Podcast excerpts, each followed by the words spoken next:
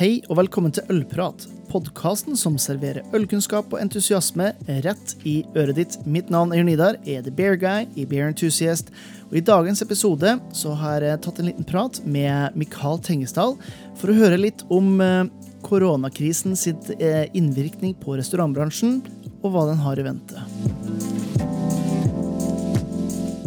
Og da sitter jeg i hjemmestudio med Sandnes sitt hjemmestudio, og ingen andre enn Mikael Tengesdal. Takk for at du tar deg tid til å, til å prate med i dag, Mikael. Det er bare en sann glede. Takk for at jeg får være med. Det skulle bare mangle. Og um, skal ikke, du skal få lov til å snakke litt om, om det sjøl, men, uh, men, grunnen til at jeg gjerne ville ha det med, er jo fordi at uh, jeg vil prøve å vise hva denne uh, koronakrisa har gjort Eh, i restaurantbransjen. Og, og, du er jo daglig leder på en av eh, mine favorittølstier i Norge, nemlig Melkebaren i Sandnes. Um, men kan du ikke si sånn, sånn først da, litt, litt hvem, hvem, er du? Ja, jeg er vel en uh, ordinær tobarnsfar som har kommet i midtlivskrise, sykler og springer for å holde, hold, holde meg ved like med alt den ølinntaket jeg tar. Utenom det så driver jeg bare. Jeg er med i fire barer og en bryggeripub her i Rogaland. Og eh, har vært i bransjen i 20 år. Og de siste tolv åra har fokuset vårt vært på håndverksøl. Mm. Så, siden jeg ikke liker å snakke så veldig mye om meg sjøl, så føler jeg det var med veldig mye. ja, det, ja, og så må du ikke glemme at du er jo, eh, du er jo vært i hele to eh, podkaster. Ja, det er jeg òg. Jeg har ja. en eh, en litt sånn useriøs podkast som jeg sier, som heter 'To bartendere tar seg en kopp kaffe'. Mm. Og så har vi en litt mer voksen podkast etter Ølvertene, som er litt bygd ut fra Melkebarn. Der altså du har vært gjest hos oss, heldigvis. Mm. Ja. Så, så, så pod, vi fant ut vi må lage den litt useriøse podkasten for å holde oss litt på den seriøse grensa på den andre. Så, så, der har meg og barsjefen Joar da, har en ganske underholdende tone, syns vi sjøl. Mm. Ja. Enig, enig i det. Det er noen slags sånn yin og yang, det der. Eh, litt seriøst og litt useriøst. Helt korrekt. Så blir det bra til slutt. Eh, jeg tenkte å, å, å, begynne med en, eh, med en um, litt sånn kjip uke, egentlig.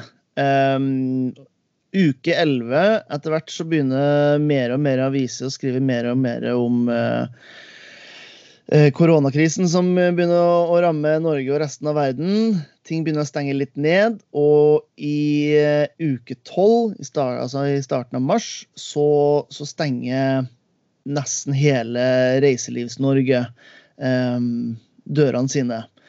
Hva, hva, gjør, hva, gjør, du da i, i, et sånt scenario?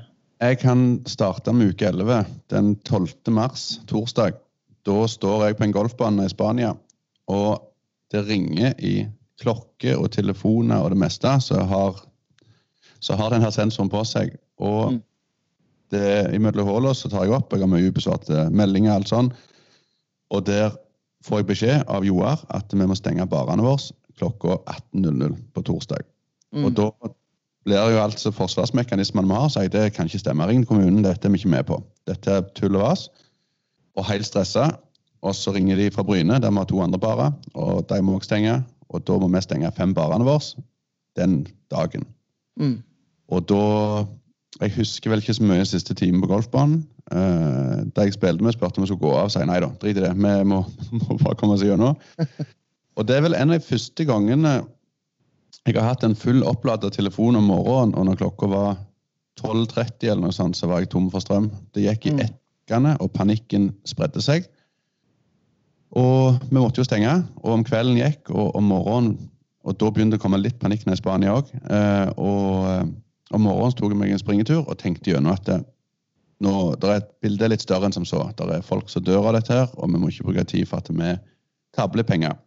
Mm. Og da jeg vil innstille det sånn at jeg må bare løse det problemet jeg har. Og da er det jo å sette seg ned og starte først melkbaren og stoppe alle utgiftene. Og strupe mm. ned så mye vi kan. Uh, dessverre for oss, og det kan jeg etterpåklokskap si at det var jo ikke så smart, men vi har vel tidenes største lager. Ja. For det er så mye bra øl der ute at vi var litt ivrige. Eh, så vi kunne nok kanskje sett dette komme, men ikke så brutalt. Mm. Og, eh, og, da ble vi stengt ned, og alle plassene ja, alle plassene i Norge. Oslo hadde jo åpent litt lenger enn oss. Mm. Og det føltes jo veldig urettferdig til å sitte her borte og se at det var plass i Oslo som måtte stenge. Og så stengte det jo over hele Norge etter hvert. Ja. Eh, men, men det er jo sånn, det er jo den egoismen. Du sitter og har lyst på omsetning, og så, så, så sitter du mer og ser på de som får åpent, enn å heller se på det store bildet. Ja, for det er jo ikke så Det er jo ikke så lett å, å kanskje sette seg inn i for oss som ikke jobber med smittevern og, og politikk i, i, det daglige, hva forskjellene på to byer skal være. Og sånn i etterpåklokskapens lys så kan man vel si at det å holde Oslo åpent ikke akkurat var det, det smarteste som ble gjort heller, når man ser på, på smittetall i, i starten der. Nei, det, det, det, er jeg helt enig i. Og jeg, jeg, tar det valget at jeg hyller staten for det de gjorde. Jeg har ingen problem med at de lukter ned Norge, tror jeg, og håper jo selvfølgelig det var et smart trekk.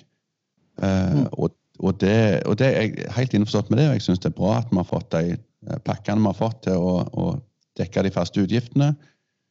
Uh, så det er mye bra. Vi, permitterte jo folk med en gang og gjorde de tingene for å redde de ansatte sitt uh, inntektsgrunnlag. Mm. Så vi kunne, så, så, og nå er vi jo heldigvis begynt å åpne sånn smått og sende igjen. Mm. Så vi er da i, i, i, mars, og ting begynner å stenge ned. Som sagt, du, du begynner å permittere, og, og må begynne å, å stoppe utgifter. Um, som er på en måte det eneste, eneste man kan gjøre. Mm. Um, underveis det er, jo snart, det er jo to måneder som Norge har vært, uh, Reiselivs-Norge har, har vært tilnærmet helt stengt. Hva, hva, hva har, dere, har, dere, gjort? Har dere egentlig bare sittet og, og tvinnet tommeltott og venta på at det skal åpne opp igjen?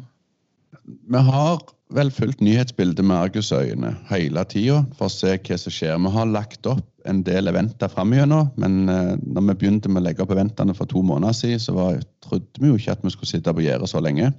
Nei. Eh, så vi, vi, vi, har prøvd så godt vi kan for å, å ruste oss for resten av året. Eh, mm. Blant annet her på, på Melkebaren så har vi vi har ei mølle som ligger rett oppfor et Stangeland mølle, så flere bryggeri bruker eh, malt ifra. Annet eh, Ryger bruker, eh, Monkey Brew bruker, eh, mm. og litt sånn. Og vi har blitt enige at vi skal starte en sånn running club når vi kommer opp og går igjen. Så bare for en litt sånn, fun, litt sånn skal ikke si kopi av Mikeller, men litt i den Michaela-ånda. Siden vi liker å springe sjøl òg. Og så er det for å holde næringslivet rundt oss, at vi, vi jobber i lag og, og drar, drar, i sammen for alle i en sånn liten by som Sandnes nå. Vi, vi trenger alle hjelpe hverandre. Hvis vi kan gjøre det på tvers av bransjene, så er det knallbra. Mm. Ja, det er, jo en, det er jo en ting jeg har sagt, uh, sagt, tidligere, både til det og, og, og i offentligheten. Men uh, den her um, uh, samholdet i næringslivet som er i um, i, i regionen som, som, du holder til i. Den er, den er, mange som kunne lært litt av det der å, jobbe på tvers av både firmaer og, og bransjer. altså. Ja, jeg, jeg, har veldig troen på det der å jobbe og stå sammen. Og det, og det viser litt med Melkebaren òg. Når vi starta opp Melkebaren, så var vi var en helt vanlig pub helt før jeg fant ut at nå går vi for øl. Og da var ikke veien lang inn til Stavanger. Og der har du Kardinal, som er mm fra stort sett hele Norge blir sett på som beste ølbaren, og det, det stiller meg fullt bak.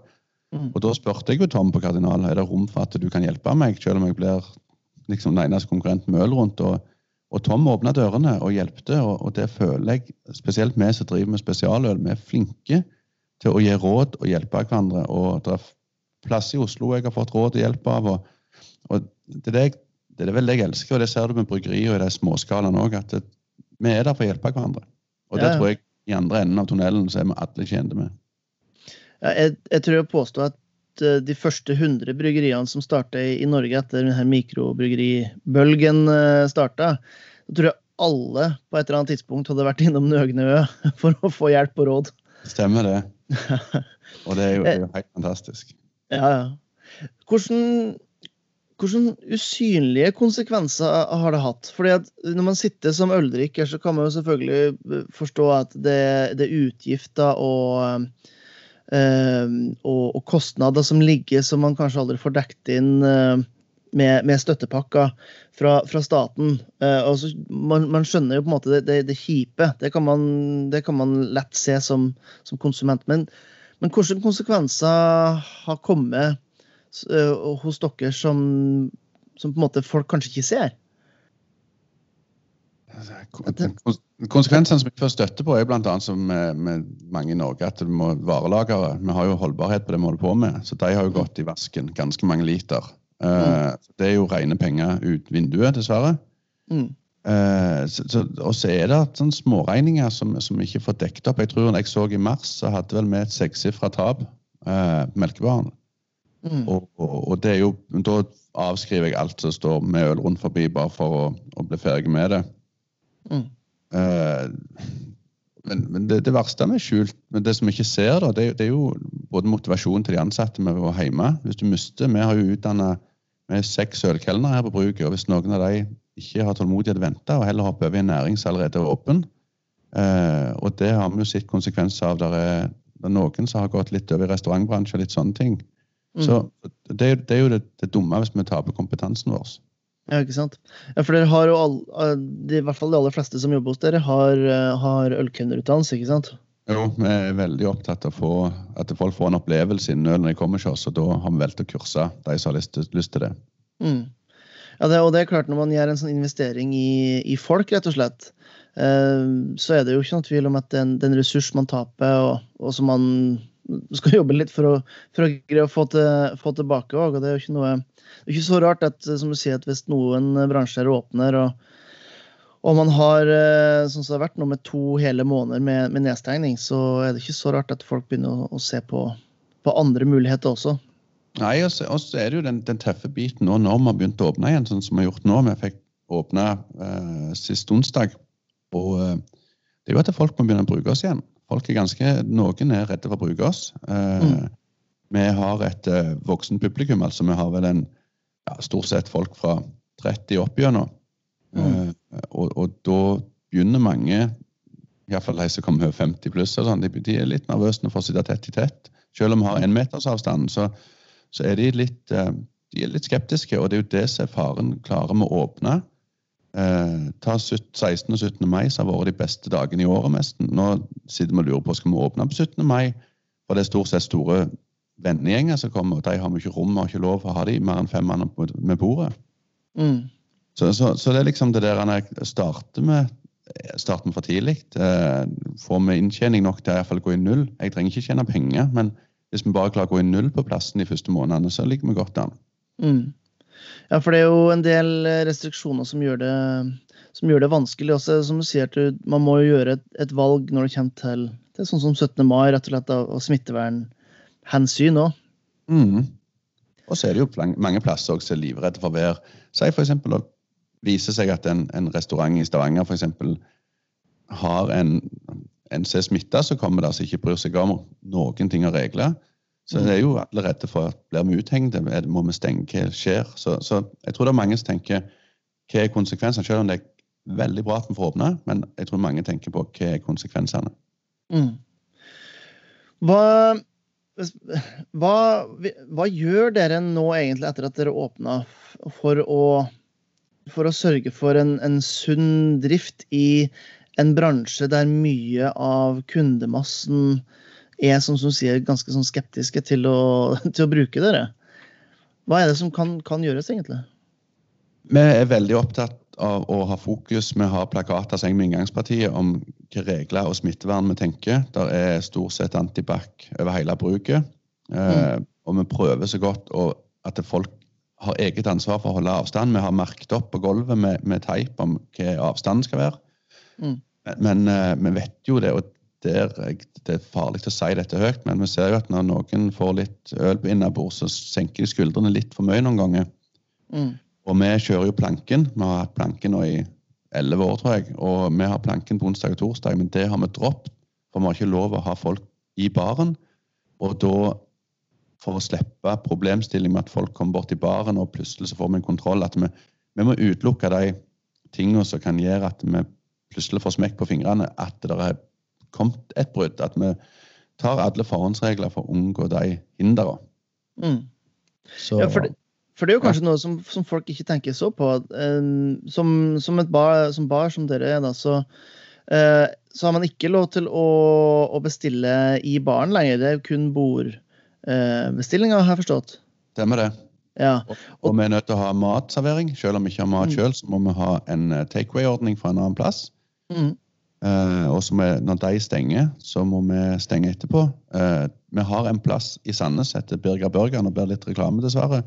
Men de har faktisk vært så bra at de har snudd seg rundt, og de serverer nå mat til fem utesteder. Og annet gjort at en nattklubb i Sandnes kan åpne med takeaway-mat til tre om natta. Så, så, bra. ja, så vi prøver jo å snu oss rundt for å hjelpe hverandre, og det, det setter jeg veldig pris på. Mm. Ja, for det er jo noe som, som man kanskje ikke tenker på, men det at man har eh, bordservering i stedet for bareservering, gjør jo at man får en, en økt eh, utgift, så man må ha litt større bemanning. I tillegg til at man har ganske store restriksjoner på hvor mange man kan ha samla til, enhver tid i, i lokalet også. Så det er økte utgifter og mindre inntekter samtidig.